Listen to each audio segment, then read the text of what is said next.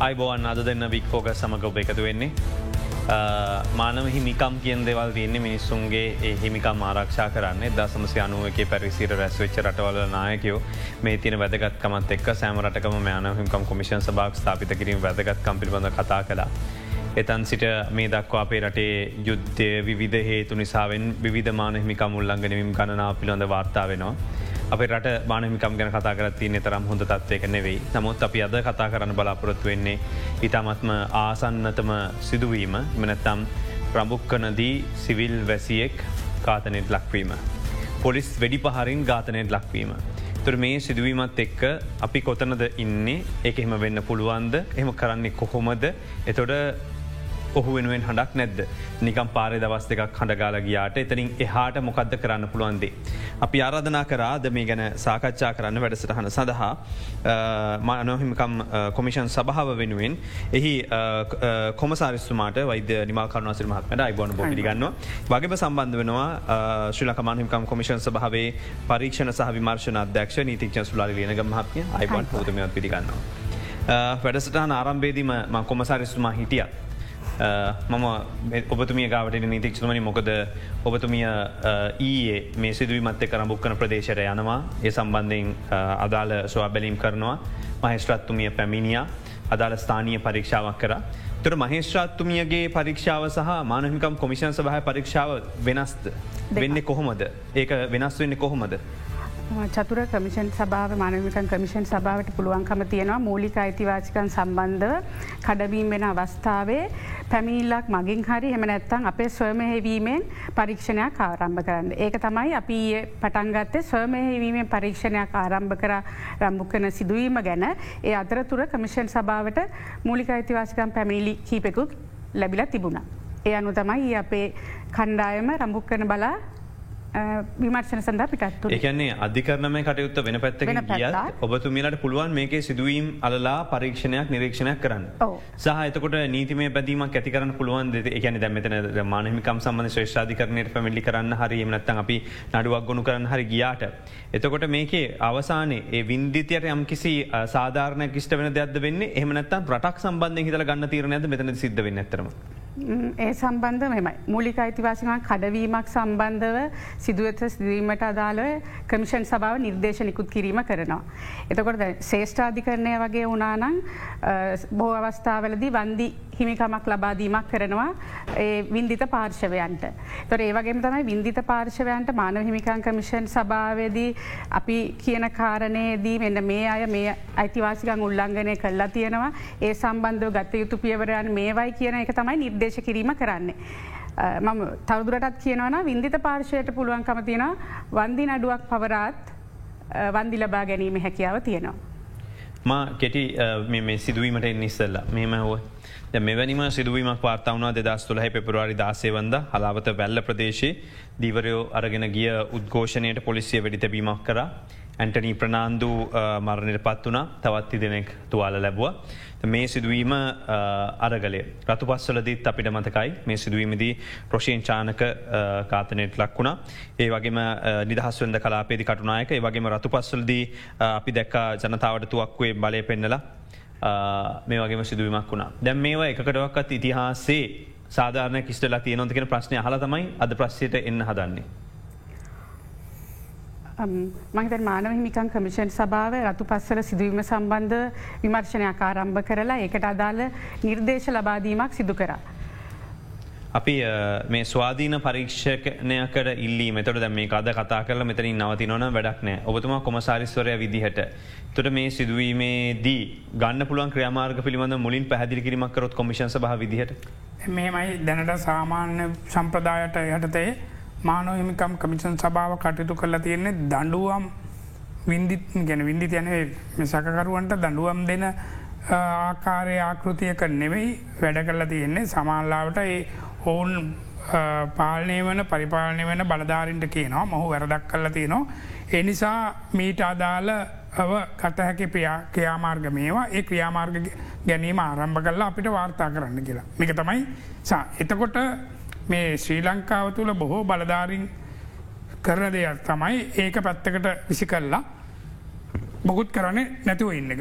මම මගේ අවුරුදු එක හමාරක විතර කාල පරිච්චේදේදී ගුණු පරීක්ෂා කරනකොට වැඩි දෙනකොට උදාහරණයක් ගාතන ඕන්න පාසස් දරුවන් පාසල්වට ඇතුළත් කිරීමේදී කරනද වැරදි සහගත කාරණා හොඳට මධ්‍යනය කෙරුවම ඒ දරුවට සාධාරණ ඉෂ්ට වෙලත් නෑ ඒතන කරපු කඩකිරීම නිවැරදි කරලත් නෑ. දැන් අපි කමිෂන් සභාව හැටියට ඉට වැඩි වෙනස් තීන්දුවක ඉන්නවා.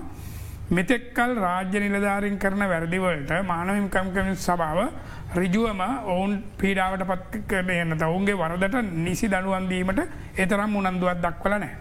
නමුත් දැන් අපි තීන්දු කල තියන්නේ මයිතන වර්තමාන සභපත්තුමිය ඇතුළු සිරු දෙනාමත් අනිවාර්යම ඒ ඒකෙන් පස්සේ අපේ ජනාධිපත්තුමාට දැනුවත් කරන ඊට පැඩි ශේෂ්ඨාධිකරණයට දැනුවත් කරනවා. ඒ හර අපිට පුළුව මානොහිම්කම් කමිස සභාවටත් ඒ පිළිබඳ නඩු ක්‍රියාමාර්ගයට මැදිහත්තෙන්. ඉදි ඒක තුළ අනිවාර්යම වැර්දිකාරයට මොකද.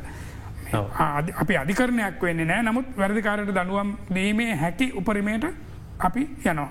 ම රජුවම නීතිකතුම මේ ප්‍රශ්යම කරන්නේ. දැන් මේ පොලිසිය වීඩියෝ දර්ශන සියල්ල වංහිතර නැරඹවා ප්‍රෘතිවලට උපුටා ගැනීම සඳහත්. එතකොට පොලිසිය වෙඩි තපපු මාර්ගයත්. කඳුරු ගෑස් එල්ල කරපු මාර්ගයත්.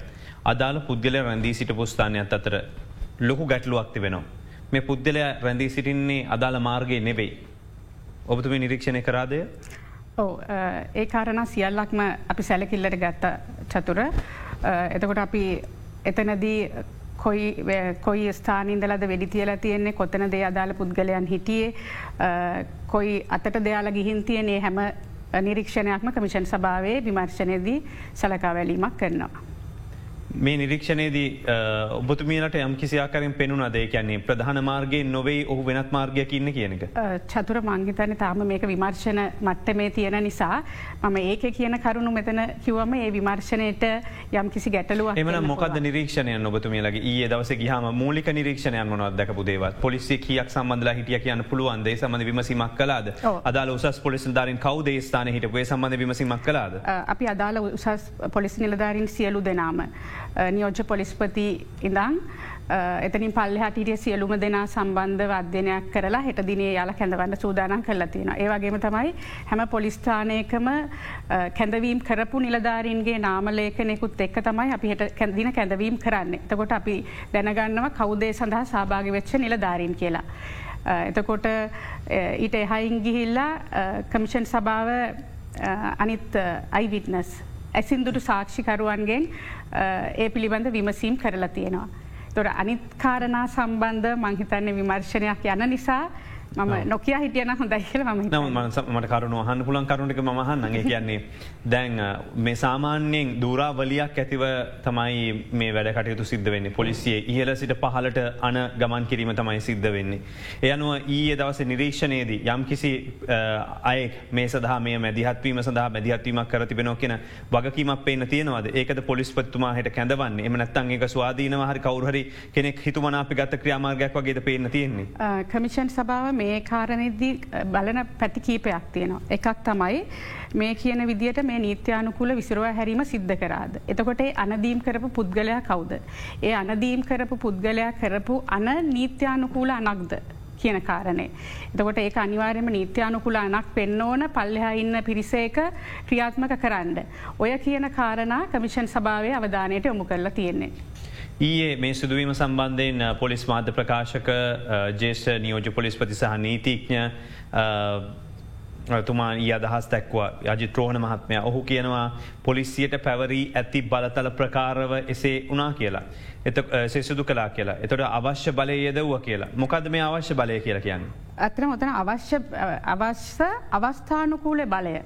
එතකොට නිත්‍යානුකූල නොවන රැත්සීමක් හෝ මහජන සාමයට තර්ජනයක් වෙන අවස්ථාව විසුරවා හැරීම සම්බන්ධ පොලිසියට ගතයුතු ක්‍රියාමාර්ග පැහැදිලිව දක්කල තියෙනවා. නීතිමය ප්‍රතිපාදන දක්වල තින. එතකොට ඒ නීතිමය ප්‍රතිපාදනවල අවස්ථානුකූලව බලය පාවිච්චි කරාද අවස්ථානුකූලව බලය පාවිච්චි කරාද කියනක තමයි කමිෂන් සබව බලන්නේ. නමුත් අපි මෙම ගත්තොත් මේ අපි මේ සිදුවීම පොඩ්ඩක් මොහොතකට අමතක කරමු නමුත් ලංකාවේ මෙවැනි සිදුවීම් ගත්තම් මේ නීතියන කුල තත්ව පිළඳ විමසනකොට. එතකොට පොලිසියට තියෙන බලය ඒ අවස්ථාවේදී අපි කෙටි නඩුවක් මතක ඇහිත නඩුවක් එමනත්තං වන්න කුති සහමි නඩුවති කතා මතකයි. තොට අපිට මේ නඩුවේ කියනවා එක්තරාකාරයක නේ පුද්ගල ගමන් කරමින් හිටියත් බැටන් පොල්ලකින් එන පොළු ප්‍රහරකින් එල්ලකොත් බැටන් ප්‍රහරකින් පහර දෙන්න පුළුවන් එමනත්තං වැඩි තැබුවත් වැඩි තබන්න පුළුවන් ඒවගේ දෙයක් නේද මේක අර්ථ ගැන්වීම මෙම නැතුව අතේ මුකුත් නැති කෙනෙකුට එහෙම අවම් බල යොදන් පුළුවන්දිකල් ප්‍රශ්නයක් තියෙනවනේද හැදිලිව කියලා තියෙන ඔය නීති කාරණාවලද කියලා තියෙනවා චතුර ඒ බලය සමානුපාතික තමයි යොදන්න ඕන. අවශ්‍ය අවස්ථාවේදී අවශ්‍ය බලය යොදන්න කියන කාරණය තියෙන්නේ. තර මම හිතනවා මේකට උත්තරේ අවශ්‍ය බලය එදීමක් වුණාද කියන කාරණය. කොමසල්සුම අවතුමාටත් ඒකයමු කරනවා.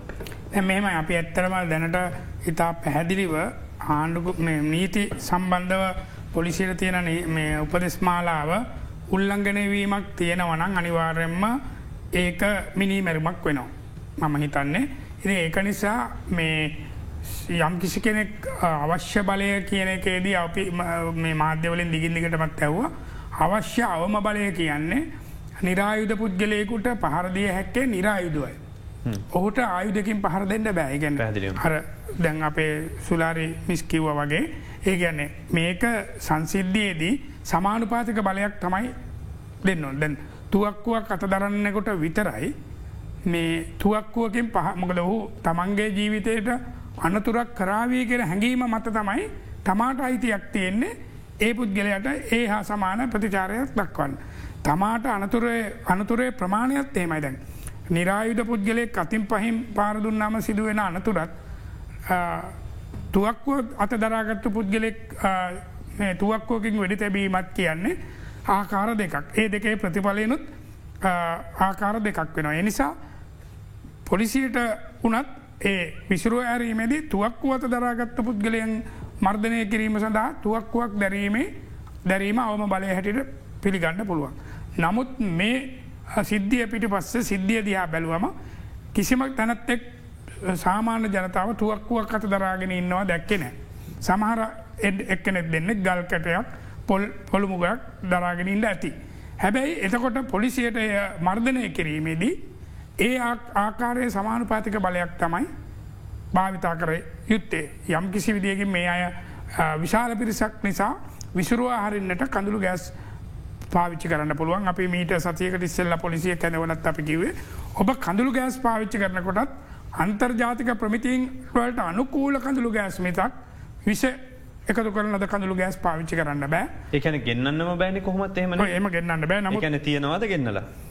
මම එහම කදු ගෑස් පාරක් කාපු නිසා මම කියන්න. මොනවදම ගැන විෂ රසායනික ද්‍රව්‍ය කියන්නේ. කසනේවා කසනේවා කසනේවා වමනය වේගෙන් යනේවා ඒ විදි දේවල් තියෙනවා. ඒක නිසා ඒ කඳුළු ගෑස් සමාරලාවට මේ මට ගෑස්වල අපිට දවසල ඒක නමත් මතක තිබ ලංකාවට ගෙනල් තිබිච්ච විස අඩංගු කඳුළු ගෑස් තිබ එමනත එක්ස්පාය වෙච්චේ තිබ ඉතින් ඒවා පාවිච්චි කිරීමෙන් මොකද මනුස්්‍යයාගේ කඳුළු ගෑස් එල්ල කිරීමෙන් බලාපොරොත්තු වෙන්නේ පුද්ගලයන් විසිරුව ඇරීම මිසක් පුද්ගලයන් ඝාතනය කිරීම නෙවී.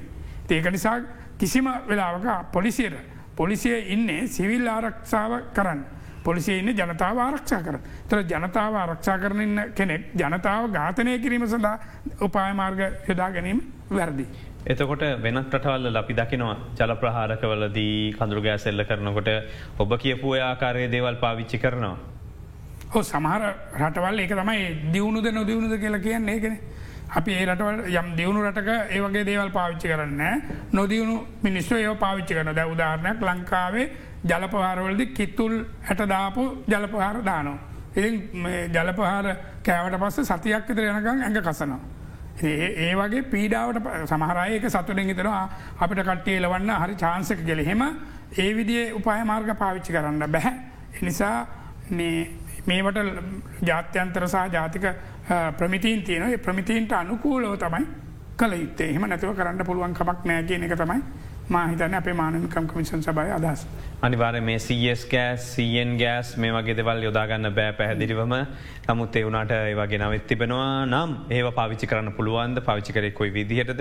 එතකොට සාමාන්‍යෙන් නීතික්ෂතුමිය ඔබතුමින් විමසන්න දැන් සමහර තැන්වල පේනවා මේ තුවාල වෙච්ච සිදුවච්ච පුද්ගලන් පිළිබඳ බලනකොට. ඒ පුද්ගලට ගල් ප්‍රහරෙල්ලලා තිබුණවා සේයාවක් නෑ නමුත් පොලිසියෙන් වෙඩි තැබීමකට ලක්වුණා කියල සේයාවන්නේ.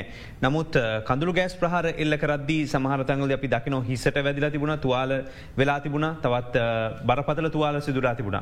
එතොට කොහොමද සාමානෙන් නීතිය තියන්නේ එහම කරන්න පුළුවන් කඳු ගෑසුනත් පුද්ගලෙකුට එල්ල කල ගහන් පුලන් කොහොම කරන්න විදිහ. ඒක කඳුළු ගෑස් එම් පුද්ගලයෙක්ට නෙමේ දැන් ඇතරම මේ කියලා තියෙනවා කොහොමද? මංතන ඒක පැදිලි කරන්න හොඳයි. කොහොමද මේ නීත්‍යානුකූල නොවන පිරිසක් පලවා හරින්න කියන එක. ඒක ඇත්තටම කියලා තියෙන්නේ ඉස්සෙල්ලම ඒ කට්ටියත් එක කතා කරලා පහසුවෙන් එතන එවත් කිරීම තමයි කියලා තියෙන්නේ. ඊට පස්සේ අත් පහුරක් එක්ක නිලධාරින් ඉදිරියට ගිහිල්ලා එහෙම නැත්තං ඔය කියන ක්‍රමවේද? ජල ප්‍රහාර හරි. එහෙම නැත්තං මොනද කඳුළු ගෑස් ගහන්ඩ බැහැ කඳුළු ගෑස් ගහන්ඩ පුළුවන්ගන්න අන්සක ගානත්තින අන්සක හතලිස්පා මේ කට්ටි අන්සක පහලෝක තියල ගහන් එහෙම ගහන්ඩ බෑ. එක අන්සක හතලිස් පහක ඇංගල් එකක් තේල තමයි සාමාන්‍යෙන් කඳුළු ගෑස් පහරයක් දෙනවනම් දෙන්න ඕනේ. හෙමනද සුලාර ඒක නිසා ඒ කඳුළු ගෑස් සහ වෙඩිඋන්ඩ වනත් මේ කරනකොට මොකද චේතනාත්මකව ඝාතනය කිරීම හෝ මරාදැමීමේ ගෙන අරමුණකින් තොරව තමයි විසුරු හැරීම නම් චේතනාව විසුරු හැරීමට අදාළ ප්‍රමිතින්වලට අදාළව තමයි ඒද කළ ඉත්තේ. නැතුව විසුරු හැරීමේ චේතනාවත් මරාදැමීමේ ඇත්ත උපක්‍රම ඇත් අතර ලොකු වෙන සක්තියනවා. එතකොට ඒක මංහිතන්නේ නඩුවකදී තා බරපතල ප්‍රශ්නයක්. ඔහුගේ චේතනාවන වැදගත්තෙන් ඒක නිසා. ඇත චේතනාව තියෙන්නේ ඝාතනය කිරීමේ අරමුණෙන්න්න මං ඒකදී පාවිච්චි කරන්න පුළුව අන්සක පහලෝක ඇංගල්ල කත්තේලෝ අන්සක විශ්ක ඇංගල්ල කත්තේල. එන්න විසුරුව ඇරීමට නම් උඩට වැඩි තියන්න පුළුවන් එතවට එකෙන් කාටවත් හානියක් අන්සක අනුවකට. ඉතින් විශේෂම මේ සිදුවීම් එක්ක අපි ගත්තොත් මේ ඉතිහාසේ පවා දරුණු තැලීම් ඇස පෙනීම අහිමිවීම් ඒ වගේම හිස් කබලය අස්ති බිඳීයාම් මේ වගේ දෙවල් පවා වාර්තා වෙලා තියනව මේ කඳුරු ගෑස් ප්‍රහරවලට ලක්වීමේදී පවා. තියහින්දා අනිවාරෙන්ම බරපතල ආපදාවන් වාර්තා වෙලා තියන ලෝක වෙනත් රටවලින් පවා. ධනිවාරෙන් අපි අවශ්‍ය වෙනවා මේ ආරක්ෂක උපක්‍රම භාවිතා කිරීම එකැන මේ උද්ඝෝෂණ කරන්න අවස්ථාවක් එමනතන් පෙළඹවීමක් ඇතිකිරීමක් නෙවෙයි. නමුත් මේවයින් බේරෙන්න්න ඉතා වැදගත් ඔබ මේ වගේ විරෝත්තාවක ඉන්නකොට. නමුත් ප්‍රශ්තියන දැන් අපි කඳුරු ගෑස් ගැනයි කතා කරන්න නමුත් මිය ගිහිල්ලන්න පුද්ගලෙක් වැඩි වැදිලා. එතකොට පොලිස්පතිවරය සඳහන් කරන්නේ දනහිසෙන් පහලට වෙඩි තැබීම සඳහා ඒ අවශ්‍ය උපදෙස් පිළි ගෙන තියෙන බව. දනහිසෙන් පහලට වෙඩිතවීමක් සිදුනාන කොහොම දෙහෙම දෙයක් වෙන්නේ. දැන් තැන චතුර ඇතරම වෙඩි තැබීම සම්බන්ධ වෙනම නීතිමය විදියට කියලා තියෙනවා. කොහොමද මේ වෙඩි තැබීම තියෙනවනම් කොයි අවස්ථාවලද තියන්න ඕනි කියෙන වරද සිදුවෙන අවශ්‍යාවද වෙඩි තැබීම තියන්න පුළුවන් කියන එක. ඒවගේම ඒක කියලා තියෙනවා දනහිසෙන් පහලට වැඩි තැබීම තියන්න පුළුවන් කැරලිනායකයට ඊට පස්ස තමයි අනිත් කරුණු කියන එක කියලා තියෙනවා. තොට කවිෂන් සභාව මෙතනදී අවධානය යොමු කරනවා. ඒ කියන විදියටද ඔය සිදුවීම වෙලා තියෙන්නේ. කියන කාරණය කමිෂන් සභාවය අවධානය යොමු කරනවා. එතකොට අපිට ඒ සම්බන්ධ අධිකරනවයිද වාර්තා කැඳවීම අපි කරලා තියෙනවා මේ වන විට ඒ අධිකරන වෛද්‍ය වාර්තාත් එක්ක තමයි අපේ විමර්ශනය යන්නේ. මේ සිදුවීමේදි සාමාන්‍යෙන් බුලට් එකකින් සිදුවෙනවට වඩා දෙයක් සිදුවන ආදෝ කියලම පුද්ගලගේ බඩ වඩේ මෙමනත් අපි කියෙන බඩවැල් එලියට වෙත් තිබුණා. තොට මොකක්ද මේකට මීට වඩා හටගේ සිදුවමක් වෙන්න පුළුවන්ද නිරීක්ෂණය මොකක් දේස්ථානය. ඒක අපිට අධිකරන වෛද්‍ය වාර්තාවත් එක්ක තමයි බලන්න වෙන්න. අධිකරන වෛද්‍යකන එක්ස්පර්ට් කෙනෙක්ගේ එතන ඔපිනියන එකක් තියෙනවා. කොහොමද මේ සිදුවීම උනේ මොකකින්ද උනේ හා මෙහම වෙන්න පුළුවන්ද කියන ඔපිනියන් එක තියෙනවා. එතකොට ඔපිනියන් එකත් එක්ක තමයි කමිෂන් එක විමර්ශනයට ඒක සලකා බලන්න වෙන්න. එම ස්ථානයේ සාක්ෂි සටහන් කරගනිද්දී. අපට ඊයේ ප්‍රකාශයන් දෙකක් සටහන් වනා මාධ්‍යයට ඉන්න එකක් තමයි කාන්තාවගේ එකක් පුරුෂයකුගේ. ඒ පුරුෂයා අදාළ මියගේ තනත්තා සමඟ මීටර් හතරක විතර ළඟකින් රැඳේ සිටිය කෙනෙක් කියල කිව්වා. කාන්තාව සඳහන් කර සිටියේ අපි පිටු පසින් හිටියත් නමුත් මේක ළඟටම ඇවිල්ල අදාළ වැඩිතබීමක් සිදු කරා කියනක. එතර ඒ ප්‍රකාශයන් ඩිරීක්ෂණයට ලක්වුණාද කමිෂන් සභාව ඒ සියලූම අසින්දුටු සාක්ෂිවල ප්‍රකාශ ලබා ගැනීම් සිදු කරා. එතකොට අපිට සමහර කරුණු ඔය කියන කාරණ අපේ ප්‍රකාශවල අඩංගු වෙලා තියෙනවා. මේ සිදුවීම පිළිබඳව පොලිසියෙන් ඔබතුමියලා විමසීමක් කරාද. එතවට ඔවුන්ගේ ප්‍රකාශයන් වල මොකද මේ සම්බන්ධින් එකන ඔවුන්ගේ පැත්තනුත් යම්කි සාධාර නැතියෙනවද. ඒ ඒක තමයි අපි හෙට දිනේ කැඳවෙලා තියෙනවා පොලිස්පති එතකොට නියෝජ්‍ය පොලිස්පති ජේෂ්ඨ පොලිස් අධිකාරී එතනින් ගාම කෑගල්ල ස්ථානාධිපති රම්බුක්කන ස්ථානාධිපති හෙට කමිෂන් සභාව හැමුව කැඳවල තියෙනවා මූලික විමර්ශනය සඳහා. මේ ප්‍රශ්නයක් යොමු කරනවා ෆෙස්බුක් ලයිව් එකේ අපේ. මේක අහනවා පාරයන්න බෑ පාරවල් වහලා උද්ඝෝෂණය කරන්නකොට එතකොට මානොහිමිකම් කැඩෙන් නැද්ද? දරුව පාසල් ගිල්ල එන්න විදියක් නැතු ඉන්න සමහර ප්‍රදේශල ඒවටත් කොමිසමේ මොනහරි පිළිමක් ගන්නවද කියලා හන්නේ මලින්ද පනෑන ඇත්තරමද අපි ඒකෙදී නේද? අපි කියන දේ තමයි හැමදාම කියන ප්‍රකාශයක් තමයි උද්ගෝසකින්ට වගේම උද්ඝෝෂණය නොකරණයටත් උද්ඝෝෂණය පාලනය කරනයටත් මේ තුංගොල්ලටම මානවකම් එක හා සමානයි.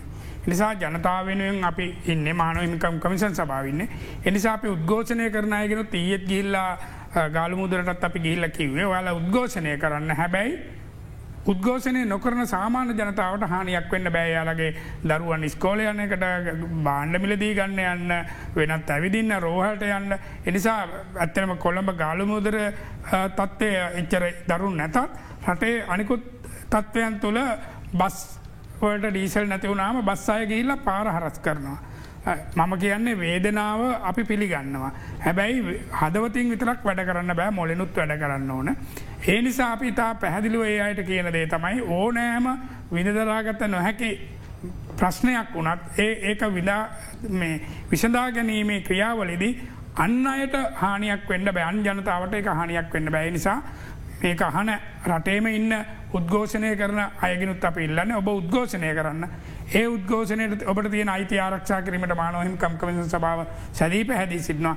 ඒ වගේම උද්ඝෝෂණයට සම්බන්ධ නොවන සාමාන්‍ය ජනතාවට සාමාන්‍ය ජනතාවගේ ජනජීවිතය රැකියාව දරුවන්ගේ පාසල් රෝවල්වට යන ඒ සියල් දෙනාට මේ යන්න ගමන්බිමන් බාධා කරන්න කාටුවත් අයිතියක් නෑ ගමන්බිමන් බාධා කළොත් ඒකටත් නිත්‍යයානු ගොල කටතු කරන්න පුළුවන් ජනතාවගේ මානොහිමක මුල්ලඟ වීමක් වෙනවා. එනිසා අපි සියලුම මොකද මේ පිළිබඳ දන්න නැති අය සමාරුගේල්ල පාරමැද බුදි නිදිය ගන්නවා.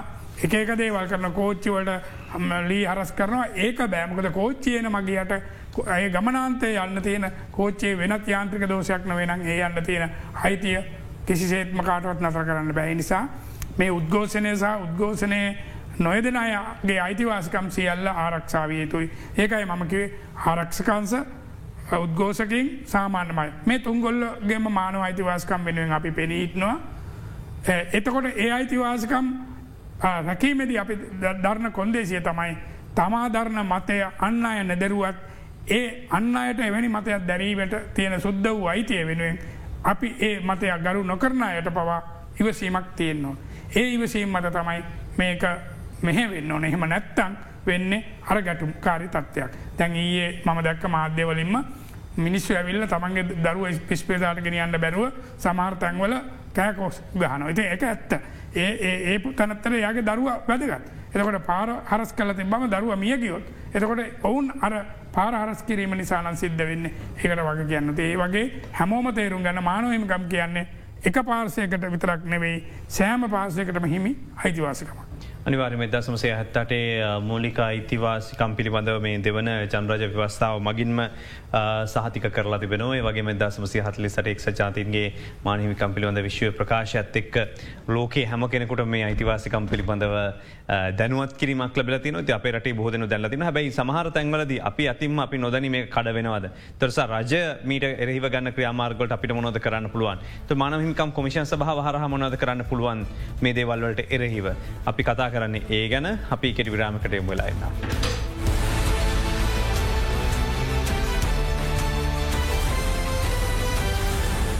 ඔයාලි අද දෙන්න බික්‍පෝක සමග එකතු වෙලා ඉන්න. අපි මානහිකම් කොමිෂන් භාව සමඟ මේ සාකච්ඡා මෙහම ඉන්න. විශේෂම රම්භුක්ක නැතිවෙච්ච සිද්ධිය සහ ඒ සම්බන්ධ සිදුවීම් දාමයත් රටපුර ඇතිවත් වෙන විරෝධතා අරගල මේ සියල්ලත් එක් මානහිමිකම් ආරක්ෂා කිරීම කරන්නේ කොහොමද? විරෝධතාකරුවන් ගලගතකරුවන්ගේ ආරක්ෂාවන් තහවරු කරන්නේ කොහොමද කියන කාරණය මෙහිදී කතා බහට ලක්කන්නවා. එතින් මේකේ අපි දැකපු දෙයක් තමයි ඊයේ මේ ප්‍රදේශයේ නිරීක්ෂණය වෙච්ච පිරිස්සෙම නතම් විශාල පිරිසක් උද්ඝෝෂණය කරට විරෝධතා දැක්වට මාධ්‍ය හමුවට හෝ එහමනතං පොලිසිය හමුවේ අධිකරණය හමේ ඔවන්ගේ සාක්ෂි ලබාදීම සඳහ ලොකු ඉදිරිපත්වීමක් තිබුණේ නෑ ඒ ඔබතුමලා නිරීක්ෂණය වුණාද එහම ප්‍රශ්නයක් තිබ්බද. එවැනි නිරීක්ෂණයක් අපි කරාවගේම කමිෂන් සභාවට සම්බන්ධ පැමිණිල්ලක් යොමුවීමකුත් වෙලා තියෙනවා. එකැනි සාක්ෂිකරුවන්ට සිදුවන තර්ජන සම්බන්ධව. තොට මේ අවස්ථාව වෙනකට මේ සම්බන්ධව තියෙන විින්දිතයන් හා සාක්ෂිකරුවම් ආරක්ෂා කිරීමේ අධිකාරය. එතකොට ඒ අධිකාරිය සම්බන්ධයෙන් අධිකාරයට පුළුවන්කම තියෙනවා ඒ සාක්ෂිකරුවන් හා විින්දිතයන් ආරක්ෂා කිරීමට පියවරගන්න මහිතනිසට වැඩිදුරට ගෙන විශේෂයෙන්ම වින්දිතයන් හා සාක්ෂිකරුවන් ආරක්ෂා කිරීමේදී සාක්ෂිකරුවන්ට රාසිගතව තොරතුරු අපිට දෙන්න පුළුවන් ඒමනත්තම් ප්‍රසිද්ධිය ඒව ලබා දුන්නත් ඒ සාක්ෂිකරුවන්ට යම් තර්ජනයක් කාවොත් ඒ සාක්ෂිකරුවන්ට ආරක්ෂාවසා අනිකුත් වර්ප්‍රසාදයන් අපෙන් ඉල්ලා සිටින පුළුවන්. එතකොට දැනට තියෙන විල්ලිතයන්න ආරක්ෂා කිරීමේ අධිකාරීතින සීමිත සම්පත් ප්‍රමාණය මත අනිවාර්යම අපි ඒ සම්බන්ධව විශේෂෙන්ම මහිතන්න විින්දිතයන්න සාක්ෂිකරුවන් ආරක්ෂා කිරීමේ අධිකාරයේ අධ්‍යක්ෂකවරයක් හැටියට නියෝජ්‍ය පොලිස්පති අජිත්‍රෝණ මහත්මත් ඉන්නවා. ඉති එක නිසා අපිට විශේෂෙන්ම එතකොට ඒ සම්බන්ධව අවධානය යොමු කල්ලා ඒ සාක්ෂිකරුවන් ආරක්ෂා කිරීම සම්බන්ධව වැඩ පිළිවෙලක් යොදන්න පුළුවන් ඒකට අවශ්‍ය නීති ප්‍රතිපාදන තියෙනවා. ඒ මත ඒක නිසා කිසිම සාක්ෂිකරුවට අපි කියනවා බයවෙන්න එපා ඔබ මේ සිද්ධි සම්බන්ධව දන්න සත්‍යය තොරතුරු මානවහිමකම් කමිෂන් සභාවට හෝ ඒ අදාලන්සවට දැනුවත් කරන්න කියලා. එතකොට ඒ ස්ථාන හිටපුගෙන තොර නිර්නාමිකව දුරකතනමතුමක් දුන්නත් එක පිළිගන්නවද නෑ පිළිගත්නත්ත වැඩක් නෑ ඔහුටගේ ආරක්ෂාව ලැබෙන්නේන. එනිසාපය ඕට කියන්නේ තමා කවුද කියලා අඳුන්නාගමින් අප ඒ එලිදරව් කරන්න.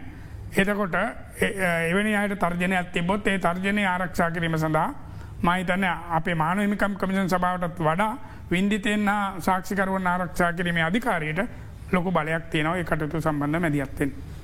අපිට මේ අය වෙනුවෙන් ඇත්තරම දැ මෙතන හිටපු අය වෙනුවෙන්නේ පිඩාට පත්තුවන් වෙන මොනවද ගන්න පුලන් ක්‍රියාමාර්ග කොමිෂන් සභාව දරපතුමලට කමිෂන් සභා විදියට ඇත්තටම මේ පරීක්ෂණය අවස්ථානයේදී අපිට නිර්දේශයක් ලබා දෙන්න පුළුවන් ඒ නිර්දේශ මෙන මේ විදියට වෙන්න පුළුව එකක් තමයි මේ සම්බන්ධ අයිතිවාසිකන් කඩ වෙලා තියෙනවනම් වග උත්තර පාර්ශවය සම්බන්ධම ඒ අයිතිවාසිකන් කඩ කළ වග උත්තර පාර්ශවය සම්බන්ධ විනය අනුකූල කටයුතු කරන්න කියන කාරණය කියන්න පුළුවන්.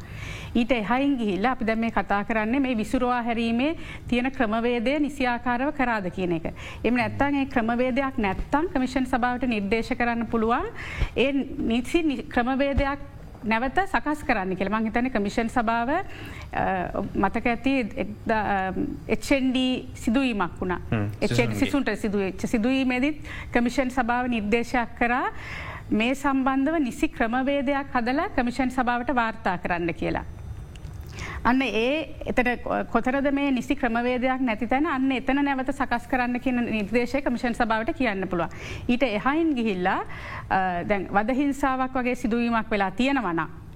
වදහිංසා පනත යටතේ නැඩු පැවරීම් කරන්න කියන එක නීතිපතිවරයාට යොමු කරන්න පුළුවන්. ඊට අමතරව මහිතන මානොහිමිකම් කමිස සභාවට අධිකරණය ක්‍රියාමාර්ගයට සහය දෙන්න පුළුව එක තින වැඩගත් මැත්ත මත මැදිහත්වීම හැකියාව තියෙනවා. දැ මේකේ අපි උදාහරණැකිතර ගත්තොත්. අපිට පේනවා යම් කිසි පොලිස් ධාරින් පිරිසක් එක් සිවිල් පුරවැසියෙක් විරොත්තාකරුවෙක් අත්තඩංගුවට ගෙන ඒ කණ්ඩෑම ගෙනවිත් වාහනයට නක්ගන අවස්ථාවේ පහරදීමක් කරනවා. මහිතන බුදුමිල සමානමක නිරීක්ෂණ වෙන්න ඇති. එතකොට මොකත්තක ගන්න පුළුවන් නීතිම ක්‍රියාමාර්ගීම පහරදන්න පුළුවන්ද පොලිසිය කෙනෙකුට. කිසිම අවස්ථාවක පහරදීමක් කරන්න බෑ. අත්තඩංගුවට ගැනීම හෝ අත්තඩංගුවට රඳවා තබා ගැනීමේ දිහම වදහිංසාවට කෙනෙක්ට පත් කරන්න බෑ. තොට කමිෂන් සභාවත් අවධානය යොමු කරා ඒ වීඩියෝ පටේ සම්බන්ධව. එතොට ඒ අත්තරංගුවට ගැනීම නීත්‍යානුකූලද කියන කාරණය වගේම ඒ වදහිංසා පැමිණවීමත් කමිෂන් සභාවේ පරි විමර්ශනයට දක්වෙච්ච කාරණයක්. බැම් මේ පහරදීම් පිළිබඳව එමනත්තං අපිට පසුගේ දිනක වාර්තාවනා සිදුවීම් දෙක පොලිස් නධාරයකුගේ හැසිරීමක් පිළිබඳවන් රාධපුර ප්‍රදේශය කනහරා පහරක් කෙල්ල කරනවා. එතොට දැ මොනවද කරන්න පුළුවන්? දේවල් ගෙන්නවා. ඔව්, ඇතන ගෙන්වා ගෙන්වල පස මොකද කෙර කියරම අහන්නේ. කමිෂන් සභාවට පුළුවන් නිර්දේශ කරන්න ය සම්බන්ධ විනිානකුල පරීක්ෂණයක් පවත්වන්න කියලා. කියන්න ති පොලිසියටන? නෑ කමිෂන් සභාවයකට අවධාන යොමු කරන අපි ඒක සුපරික්ෂාරකාරයව ඉන්නවා. ඒ විනේ පරීක්ෂණය මොකක්ද වෙන්න? ඒක ප්‍රගති අපිට වාර්තා කරන්න කෙන කාරණය අපි ඉන්නවා. එතකොට ඒකෙද නිසියාකාරවල වෙලා නැත්තම් කමිෂන් සභාව දැනුවත් කරනවා නැවත චතුර හිතනවා. දැන් අ, අපි ඉන්න ශේෂ්‍රයේ නිසාර ගෝත්‍රිකවාදී මානසිකත්තයෙන් මේ රටේ නිලධාරින් වැඩ කරනවා කියලා එම වැඩ කරන තැන් වෙන්ඩ පුළුවන් දැ ඔබහන්න ප්‍රශ්නය මට තේරෙන්නේ එකයි. ප්‍රශ්න තියෙන්නේ මේ- මේ රටේ නීතිය තුළ තියෙනවා මේ ඔ- අපිට පොලිස් ශේෂත්‍රයනේ අපිට වෛද්‍ය ශේෂ්‍රය කළ එතකොට යම් වෛද්‍යවරයෙක් වරද්දක් කලාම විනය පරීක්ෂණයක් කරලා දඩුවන්දිය යුත්තය මෙන්න අපේ පත්තිීම් බලධාරයා මව් කියලා. එනිසා පොලිසිය වනත් වර්දක් කලාම පොලිසිය ආසන්නම් ප්‍රධානය විසින් විනය පරීක්ෂණය කැඳවල ඒ විනය බලධාරයක් කඳවල පත්තිම් බලධාරයා විසින් විනය තීන්දුව ගන්නවා. හිට අමතරව අධිකරණය ක්‍රියාමාර්ගය ගන්න කොට ඒ අධිකරණ ක්‍රියාමාර්ගය වෙනස් ආකාරග සිද්ධ. එනිසා දඩුවම නැත්තේ නෑ දඩුවම දෙන්නත් පුළුවන් පක්ෂග්‍රායවුණුත් ඒකට විරුද්ධවත් කටයුතු කරන්න නීති තියෙනවා.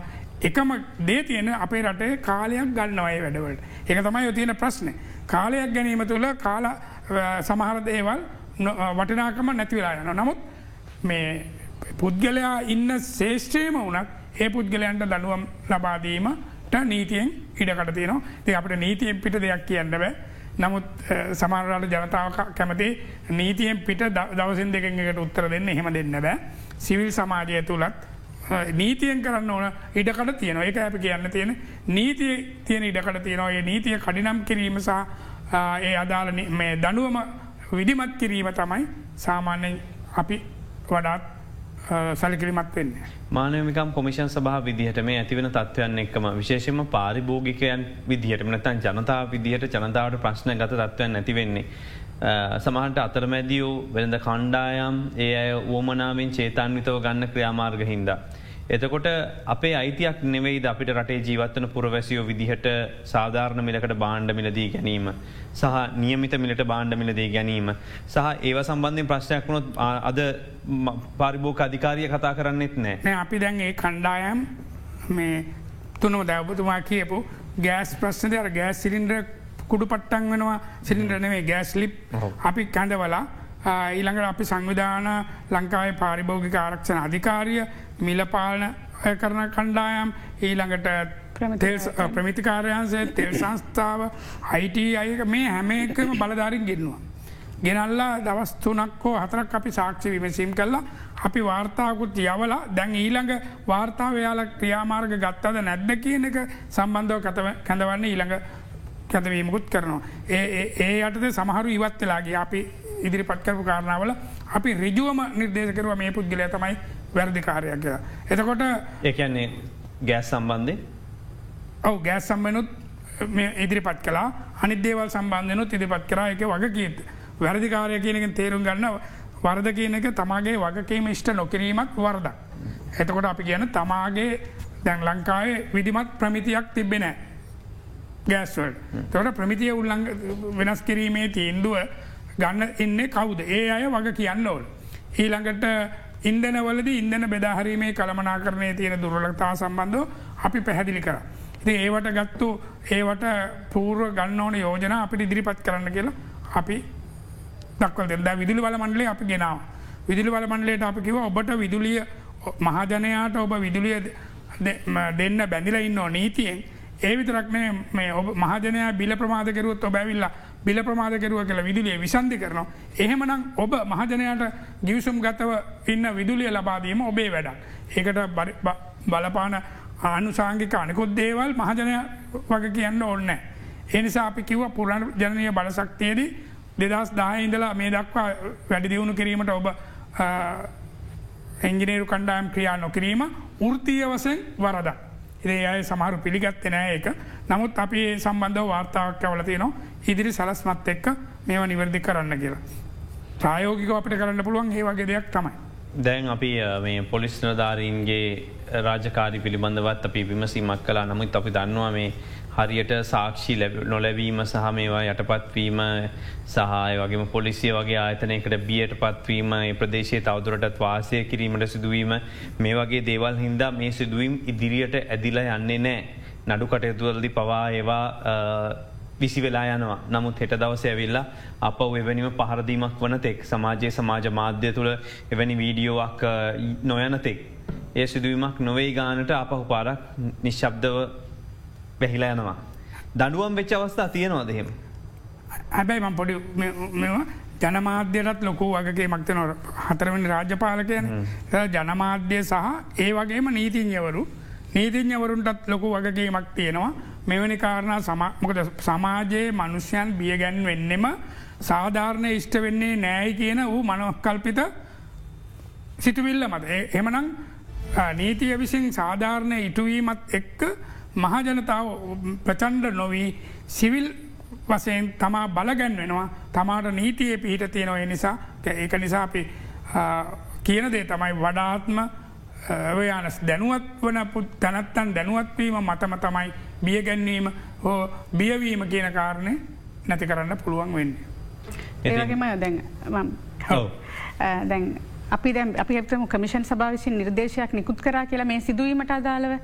එතකොට ඒක අදාල අමාත්‍යවරයා වෙත යොමු කිරීමක් කරන. තකොට අදාල අමාත්‍යවරයාටත් වගේ කීමක් තියෙනවා ඒක ක්‍රියාත්මක කරන්න අංකර මේ සිදුවීම නම් අපිහෙම ඒ අදාල අමාත්‍යවරයටත් තියෙනවා ඒවගේ ඒදගේම මහජනතාවට වගේම රසකිප විදියට අනිකුත් මධ්‍ය ආයතනවටත් ඒක ෆලෝවප් කිරීමේ වගේ කීමක් තියෙනවා කියන එක කමිෂන් සභාව දකිනවා. ඒ අපි හැමෝගෙම සාමූහික වගේ කීමක් එතන. මහිතන්නේ පහරදීමට ලක්වන පුද්ගලයන්ට හෝ යවට සිටන පුද්ගලන්ට විරුද්ධ වීමේ අයිතියක් තිබෙනවා. ඒවගේ තම ආණ්ඩුකම වස්සාාව දහ එක වගන්ති අනුව සිරබාරයට ගැනීමේ සිට පහරදීම් දක්වා වූ කරුණු ගණනාවක් තියෙනවා. තොර අපි වීඩියෝ සාක්ෂයක් ගන්න වගේම ඔබට අනෙක් පුරවැසියට පහර දෙනවනම් එවෙන විරෝධය පෑමේ අයිතියක් තිබෙනවා කියන එක අමතක් කරන්න එපා කියනකත් මංහිතන මේ වෙලා කියන්න ඕන. හැබැයි ඒක කරන්න බොහෝ දෙනෙ බයයි.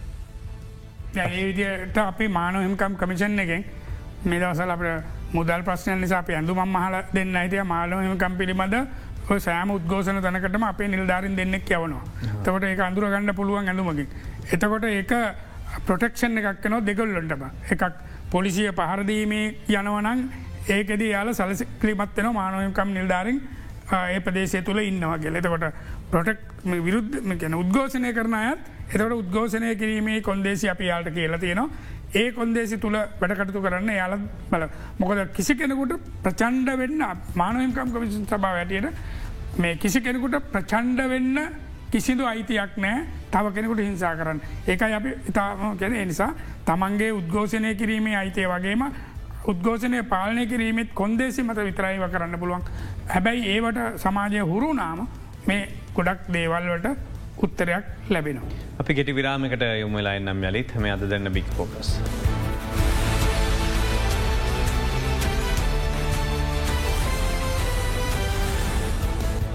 ඔබ යලි අද දෙන්න බික්‍ෆෝග සමග මානමිකම් කොමිෂන් සහ මේ අවස්ථාවේ මේ රබුක්කන සිදුවීම ගැන මොනවද කරන්නේ කියලා අපි අහන්න අරාධනා කර සිටි එතොට හෙට දවසේ කවද ඇත්තරම එන්නේ කවද කැඳල තියෙන කොමිෂන් සභාව හමෝට පොලිස්පති කැඳවෙලා තියෙනවා. එතකොට ඒ ප්‍රදේශය භාර ජෙස්ට නියෝජ පොලිස්පති නියෝජ්‍ය පොලිස්පති ජේෂ්ට පොලිස් අධිකාරී ඒවගේම පොලිස් ස්ථාන දෙකක පොලිස් ස්ථානාධිපතිවරුන් දෙදෙනෙක් කැඳවලා තියෙනවා. මොකද කමිෂන් සභාව කරන්න ස්වාධීන පරීක්ෂණයක් එතකොට ඒකෙදි හැම පාර්ශයකයකම අදහස්සතෙන්ට අපි ලබාගන්න කරුණු දැක්වීමක් කරන්න කියලා ඒ කරුණු දැක්වීම සඳහා තමයි හෙට කමිෂන් සභාව කමිෂන් සභාව විදිරයට කැඳවිල් කල්ලා තියෙන්නේ. එතොට මෙතැන්ට ඒම ප්‍රතික්ෂප කරන්න පුළුවන් නතන් කැදව අනිවාරෙන් පැමිණිය යුතුද? කැඳ නිවාරෙන් පැමිණිය යුතුයි. පලනිවර කැඳවු නැතුනොත් හේතුව ඉදිරිපත් කරන අපි නැවතත් කැඳීම් කරනවා. ඉට පස්ස අපි ඔවුන්ට විරුද්ධ ඉට පස්ස ගන්න ඕන ක්‍රියමාර්ග කමිෂන් සභ පනතයටතේ පුළුවන්. කමිෂන් සභාව කරන නියමයක් ප්‍රතික්ෂේප කරොත් වරි පැහැරහැරීමක් කරොත්. ඒක අධිකරණයට කරපු අපහසයක්සේ සලකා ශේෂ්ඨ අධිකරණයට උමුවෙන්න පුළුවන්. සිතාම ඒ වගේ තත්ත්වයක් නෑ කමිෂන් සභාවට ප්‍රතිචාර දැක්වීම කරනවා. අපිට දැම් මේ සිදුවීම එක් අපිට දිගින්දිකන පේනො රටේ නොනවතින විරෝධතා සහ සටන් පාටවලින් පිරීගිය මේ විදිර සංවිධානය විම්බෙනවා. නමුත් අපි දැක්ක ගෝල් ෆේස්සල මේ විරෝධතාවේ හරි සාමකාමී විදිහට යන්නේ ඔබතුමාල මේක නිරීක්ෂණය කලාන්නේද. අපි පැහැදිලෝ දැ මම කොමසාරි සැරයට දවස් තුනක් ගියා ඒ වගේ අපේ අධ්‍යක්ෂක කණ්ඩායමක් ගියා. ඊට අමතරවානකුත් නිලධාරණුත් ගියා.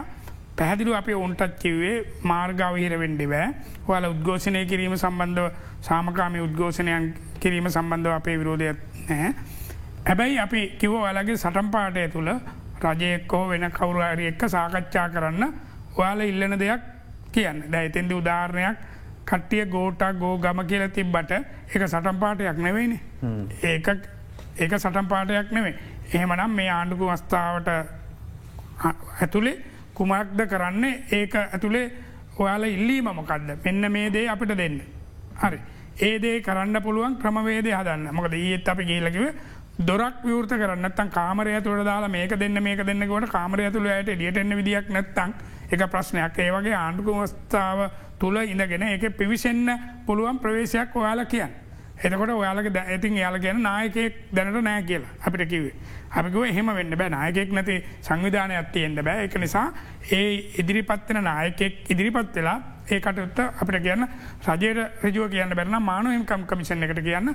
එතකොට අපි රජයට ඒක යෝජනා කරන්න ඒ විදියට මේ කටයුත්ත කරන්න. නැත්තම් මේක උද්ගෝෂණය කරන්න එපා කියලා අපිට කියන්න බෑ. හැබැයි ඒ උද්ගෝෂණය සාමකාමී කියන්නේ තව මිනිස්සුන්ට සාමකාමිද නැද්ද කියන එකට වඩා අනිකුත් වෙනත් පාර්සයන්ට හානිකර නොවෙන ආකාරයට සිද්ධ කරන්න කියනක තමයි අපි දුන්න ඔවුන්ට අපි ගියාම ඔවුන් කිව් අපිට පහසුකම් බල තත්ත්වයක් නෑ මේ කැන ඔවුන් ඒවා ගොඩක් සිද්ධ වෙනවා. ඉතින් එතන බොහොම සංවේදී තරුණයෝ ටිකක් ඉන්නේ. ඉති එනි සාපී ඔවුන්ටකිවයි සංවේදී තරුණ පව පාවිච්චි කරලා වඩා හොඳ දෙයක් කරන්න එකට තමයි අපි මානහිකම් කමිෂන් සභාවටට ඒ අයගේ මානහිමකම් අපි ආරක්ෂා කරන ගමන් අනිත් අයගෙත් මානහිමකම් ආරක්ෂා කිරීම තමයි අපේ වගකීම කියලා. එතුර මේ විරෝධතා ඔක්කොම සංවිධානය වීමේ අපි දකිනෝ මේ වගේ අරගලවලට නායකයෝනෑ බොහෝ තැන්වල මේවා ජනතාව මතින් පැනනගෙන විරෝධතාවයන්. එතුර මේ විරෝධතාවල ඒහින්දම එක තැන්වල සටන් පාට වෙනස් එක තැන්වල විරෝධතා දක්වන විදිහ වෙනස්. සමහට මේක හොඳ පැත්තර වගේම යම්තනකති නරක පැත්තට වනත් හැරෙන පුළුවන් මේ පාලනයක් නැති වුණොති. තොර මානමිකම් කොමිෂන් සභාවට ඒ වෙනුවනුත් මැදිහත්වෙන් පුළුවන්ද.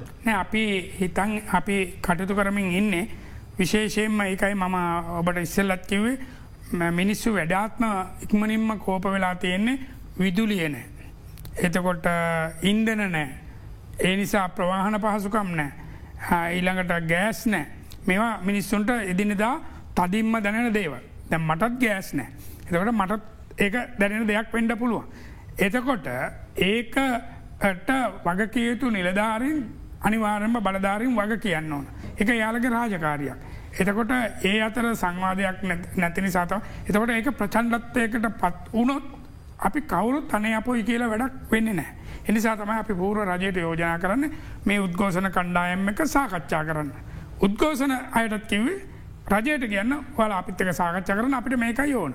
එතකට ඒ ඕන දේ කරන ක්‍රියාවලිය දෙගොල්ල එකතු වෙලා හදාගන්න. ඒම හදාගත්තම මේ ප්‍රශ්නය විදිර විශ්න ගන්න පුළුවන්. ඉතින් මම ඇහ්වා ඔයාල මේ සූදානන් වෙනවඩ එක්දස් නමසය දාහත එවුණු සෝවියත් විප්ලවේ වගේ දෙයක් වල කරන්න දැන්. තොට යාලගෙන හෙමත් නෑ. එතකොට එහෙම නැත්තං.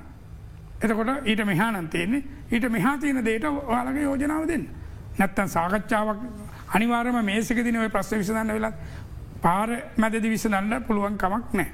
මේ සේදිනම් විසඳන්න වෙන්න ඒ මේසේකට එන මාර්ගයක් දෙපාර්සයම සකස් කරන්න එකන විරෝධතාවෙන්. විරෝ විරෝත්තාවේ දැන් අපිට අනිවාරෙන් ඒගොලන්ගේ ඒගොල විරෝත්තාව අත්තරන්න හේතු කියන්න ඕනද තොට නෑ විරෝත්තාව අත්තරන හේතුනෙම දැන් අපිතම ගෑස් අකණ්ඩෝ සැපීමේ ක්‍රියාවලියක් රජය විසින් කියන්න ඕන. එතකොට ගෑස්වල් නැතුව විරෝධය වෙන කණ්ඩායම් ඒක මත තීන්දුවක් ගන්නවා මං කියන්න ඇදිලි උදාහරණය. එතකොට ඉන්දන සම්බඳ ඉන්දන මිල දරාගන්න බැරි තත්ත්වයක් තියෙනවා. එතකොට අපේ රටේ ඉන්නන නිස්පාදනය වෙන්නෙත් නෑ. එමනම් රජයක් හැටියට ජනතාව වෙනුවෙන් විකල්පයක් යෝජනා කරන්න. සූරය බල සක්තිය කඩිනමින් දියුණු කිරීම තුළ දෙයක් පුළුවන් කියලා මගේ පෞද්ගලික මතය කිව සූරය බලසක්තිය දියුණු කෙරුවම ඉන්දන ගැටලුවලින් සියට පණහක් අපට විසඳ ගන්න පුළුව හැබැයි ඒක ෂනිකෝප කරන්න පුළුවන් දෙයක්ද නැද්ද කියන එක ගැටලුව ද ඕගේ ප්‍රශ්න ගොඩකට මැදිහත්වන්න පුළුවන්න මේ ආණ්ඩුව කිසිම වග විභාගකින් තොරව සල්ලි අච්චු ගහනු. සල්ලි අච්චු ගහනෝ බෙදනවා. තොර මේකින් වෙන්නේ එක පැත්තක මුද්දමන වැඩි වෙන තුර රටේ හැමෝටම පොදුවේ මහජනතාව විදිහට මේකට මුණ දෙන්න සිද්ධනවා. එත මේකට ක්‍රියාමාර්ගයක් ගන්න පුළුවන් පැමිණිලක්කරු නෑ මෙහෙම පැමිල්ලක් කෙරුවොත් ක්‍රියාමාර්ගනවේ උපදේශයක් දෙන්න පුළුව. හොඳ රටේ සියල්ල තොරතුරු අරගෙන හොඳ උපදේශයක් දෙන්න පුළ. ක්‍රියාමාර්ග කියනකටිකක් බර වැඩි. ඒ අපිට හයියක් නෑ. ක්‍රියාමාර්ගනවේ රජයට යන්න යෝජන කරන පුළුවන්. මෙන්න මේ වගේ සාධනය දේවල් කරන්න පුළුවන්. ඇයි කරන්න නැත්තේ කියලා එක ඊට පස්සේ ඕන්නන් ඒ අරගෙන කෙනෙකුට ශේෂාධි කරනට උනත් යන්න පුළුවන්. ඉතින් මේ අපි අලුත් අත්දැකීමක්න මේ ලබමින් ඉන්න. ඉති මේ අත්දැකීම තුළ අපිට තේරණ දේ අනුව තමයි මේ මොකද නේද සුලර් අපේ පනතේ ඕන දෙයක් කිව්වට ඒවා කොහොමද කරන එක සම්බන්ධව ඉතා පැහැදිලිවම නෑ ඒක නිසාපේ මේට යෝජ රජයට යෝජනා දෙන්න අපිට පුළුව අපේ යෝජනා දෙනවා. අපිත් එක සම්බන්ධනාද මානව හිමිකම් කොමිෂන් සහ වෙනුවෙන් එහි කොමසාරිස්තුමා වෛද්‍යනිම කරුණස්්‍රි මහත්ම බොහම ස්තුති වගේ අපිත් එක එකතුනා එහි අධ්‍යක්ෂ පරීක්ෂණ සහ විමාර්ශණ නීතිඥ සුලාරි ලියනක මහත්මය බොහම ස්තුතියවතුමෙන වැඩසටහන අවසන් කරනවා. අපි යමු පුවත්විකාශයට.